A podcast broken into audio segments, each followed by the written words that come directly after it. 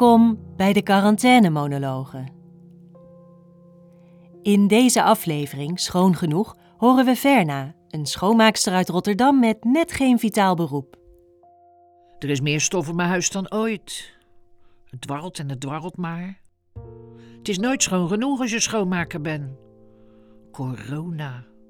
En alles moet nog schoner dan normaal. Nou ben ik ook een beetje dwangmatig, door de spanning ook hoor, denk ik, van het onbekende. Mijn man vindt dat ook wel spannend. Hij is arbeidsongeschikt, heb geen beroep. Ja, dan is crisis heel enerverend. Nou zijn we op dag eh 43. Moet je nagaan hoeveel kranen ik al gesopt heb. Maar deze ochtend heb ik helemaal niks gedaan. Echt niks. Ja, voor me uitgestaard en naar zijn dierenfossielen in de vitrinekast gekeken. Ze met mijn hand een beetje afgeveegd, gestreeld eigenlijk meer. Verdomme! Gescholden, zachtjes, om de jongens niet wakker te maken. Mijn zoon, Jona heet hij, eh, Jonathan, kwam om half twaalf naar beneden. Toen heb ik toch maar gesport bij Fit Me Pit op televisie. Ja, ik doe mijn best, hè. Hij eet een broodje hagelslag met chocomel. Daar is die puber voor. Wil je snicker? vraagt hij. Zo praat hij altijd, zonder de, het en eens. Ik eet die snicker, als hij het aanbiedt, voor de bonding. Die puisten in zijn nek zijn gevoelig. Mijn borsten ook deze dagen. Ik werk bij de familie Markt, zonder Q. In hun villa boen ik alles wat zij ranzig laten. Ramen, vazen, beeldjes, glazen. Zelf zitten ze aan de wijn in hun miljoenentuin. Rosé geloof ik, maar dat kan ik nooit goed zien. Die man daar, die wordt dus nou gemasseerd door een klein pitsig vrouwtje. Elke dag. Schaamteloos. Alsof het vakantie is. Maar goed, ik boen twee keer zo lang en twee keer zo hard. En vergeet dan eventjes dat de wereld vies is buiten. Dat ik bang ben, dat de deurklinken en supermarktschappen vol bacillen liggen. De mensen erlangs. Niemand die elkaar nog aandurft te kijken in die supermarktstress. Heel even, heel even wel had ik oogcontact met een charmante man. Maar ja, hij kijkt gelijk weer weg. Ik vrolijk Jona als ik thuis kom op met gekke billendansjes, waar hij niet om lacht. Hij is al 16, dus hij rolt met zijn ogen. Ah, ik snap het. Maar ach, hij voelt weer eens wat. Ik let erop, nee, nee, ik waak ervoor dat hij iets blijft voelen in deze tijd. Pubers die niet meer voelen worden boos en depressief. En hij is somber nu in deze tijd. Ja, dat is beter dan lam geslagen, ja toch? Vroeger kon ik Jona opvrolijken met een snel verteld sprookje om zeven uur 's ochtends. Ik geloof niet dat ik dat nou nog eens zou moeten proberen. Dan zei ik altijd dat hij goed moest luisteren, zoals de helden in verhalen deden, en dat hij dan koning zou worden. Hij luistert nu niet zo vaak en koning over mij voelt hij zich iets te vaak. Voor pubers is het niet cool, een oude schoonmaakmoeder, nee. Nee, nee, nee, nee, nou niet huilen. Hé, dat komt nou echt door mijn man, Harry. We hadden ruzie vannacht. Ja, hij is arbeidsongeschikt, dus dat betekent voor hem ook dat hij niet in zijn eigen huis kan werken. En dat betekent voor mij dat ik twee keer zoveel moet werken en ziek kan worden. Nou, ja, hij vindt dat lastig. Maar hij doet niks. Ook niet met zijn vitrinekast, die stof ik af. Dat doe ik zelf. Ik doe mijn best. Zijn dode dieren kijken me aan met die harde bestofte koppen. Ik wil... eh, Ik moet mijn kaken masseren. Ik was zo boos vannacht dat ik in een kramp geslapen heb. Ik wil dat hij ook meedoet. Dat wil ik. Maar ja, ik schreeuw niet. Niet zoals de juppen schreeuwen in hun tuintje met rosé. Nee, nee, nee, nee. Dat is luxe vergeleken met mijn zielige randje tuin, waar ik nou niet aan toe kom. Ah. Hè, ik zeur misschien een beetje, maar ik ben gewoon zo moe. Ik had gedacht dat we in deze tijd juist... Nou, niet zuur worden, nou Verna. Je plant nog wel een keer een plantje in de tuin. Kom op, doe eens maar even. Ik voel me zo onhold gezet, ondergedompeld. Niemand weet dat ik een beetje gek word ondertussen. Ik blijf ook steeds langer mijn handen wassen. Dat moet ik ook doen. Of niet, of wel. Ja, Rutte zegt, was zo vaak mogelijk je handen. Maar ja, wat is zo vaak mogelijk? En hoe lang? De vellen hangen eraan. Oeps, de overburen. Ik moet me aankleden. Of, of zal ik me laten zien? Hier ben ik. Nee, wat doe ik? Hij zal wel in de war zijn. Hij houdt van regelmaat. Buigt om vier uur precies uit het raam, rookt sigaretje en ziet vandaag een naakte buurvrouw. Hij blijft dus ook thuis. Wordt vast ook gek. Geruststellend vind ik dat. We hebben nog nooit naar elkaar gezwaaid. Zou dit de tijd zijn dat we daarmee beginnen? Alles in onze straat staat zo akelig in bloei en we kennen er niet bij. Eh, niet bij gaan zitten, bedoel ik. Ik pakte wel eens een stoel, zat ik onder een boom. Mag nou niet, er lopen mensen langs. Wie had gedacht dat we verboden konden worden dicht bij mensen te zijn, ze aan te raken? En dat we zouden luisteren.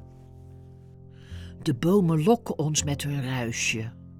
Trap er niet in, raak ze niet aan, het is een val. Moet je mij nou eens kijken. Verwassen badjas, uitgedroogd. Net niet vitaal. Alleen mensen die openbare ruimte schoonmaken, die zijn vitaal. ik ben er voor de luxe poezen, die mijn werk ook kennen doen, maar te lui zijn. ik ga hier liggen eventjes. Dan kijk ik of ik straks misschien weer toonbaar ben. Ik moet zijn als een plant. Ik moet iets nodig durven hebben. Nee, ik moet doen alsof ik normaal ben. Doe maar alsof mama normaal is. Harry, je bent er de hele tijd. Hoe moet ik je dan willen, Harry? Verlangen heeft mysterie nodig. Liefde, veiligheid. Verlangen, mysterie. Nee, niet op de bank liggen nou, Harry. Je bent toch mijn man? Je bent toch mijn mannetje, hè? Kom dan maar gewoon hier slapen, Harry. Daar slaap je toch niet goed.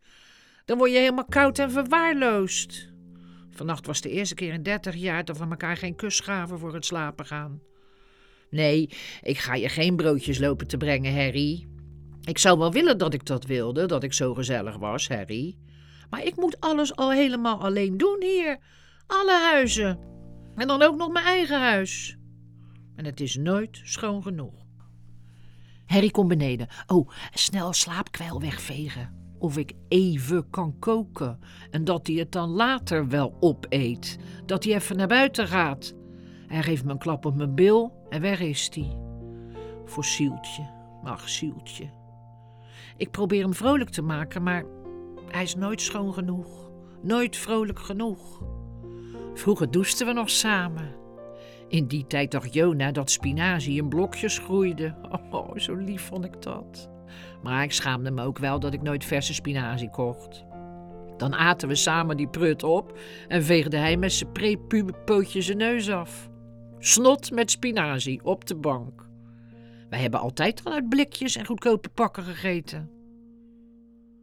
Ik wil niet in mijn treurstoel gaan zitten nu, maar eten speelt de hoofdrol in mijn lege leven. Coronakilo's zijn iets om aan vast te houden. Om mijn eigen baken te zijn. Jouw baken moet van buitenaf komen, Harry. Heb jij anderen nodig om je leven te voelen, her? Deed ik dat niet vroeger voor je, hè? Niet zeuren. Joon, eten! Hij zit te gamen, of hij speelt patience, of hij zit te MSN'en. Ik weet niet wat hij doet. Ik hoop zijn huiswerk, maar denk het niet. Ik zet een bordje voor zijn deur en luister. Of hij nog zo lacht als toen hij nog geen puber was. Nog zo lief hoog. Ik hoor steeds minder en stel me steeds minder voor wat hij denkt. Harry eet later, dus eet ik ook zijn portie op. Hertje, zo noemde ik hem als het goed gaat.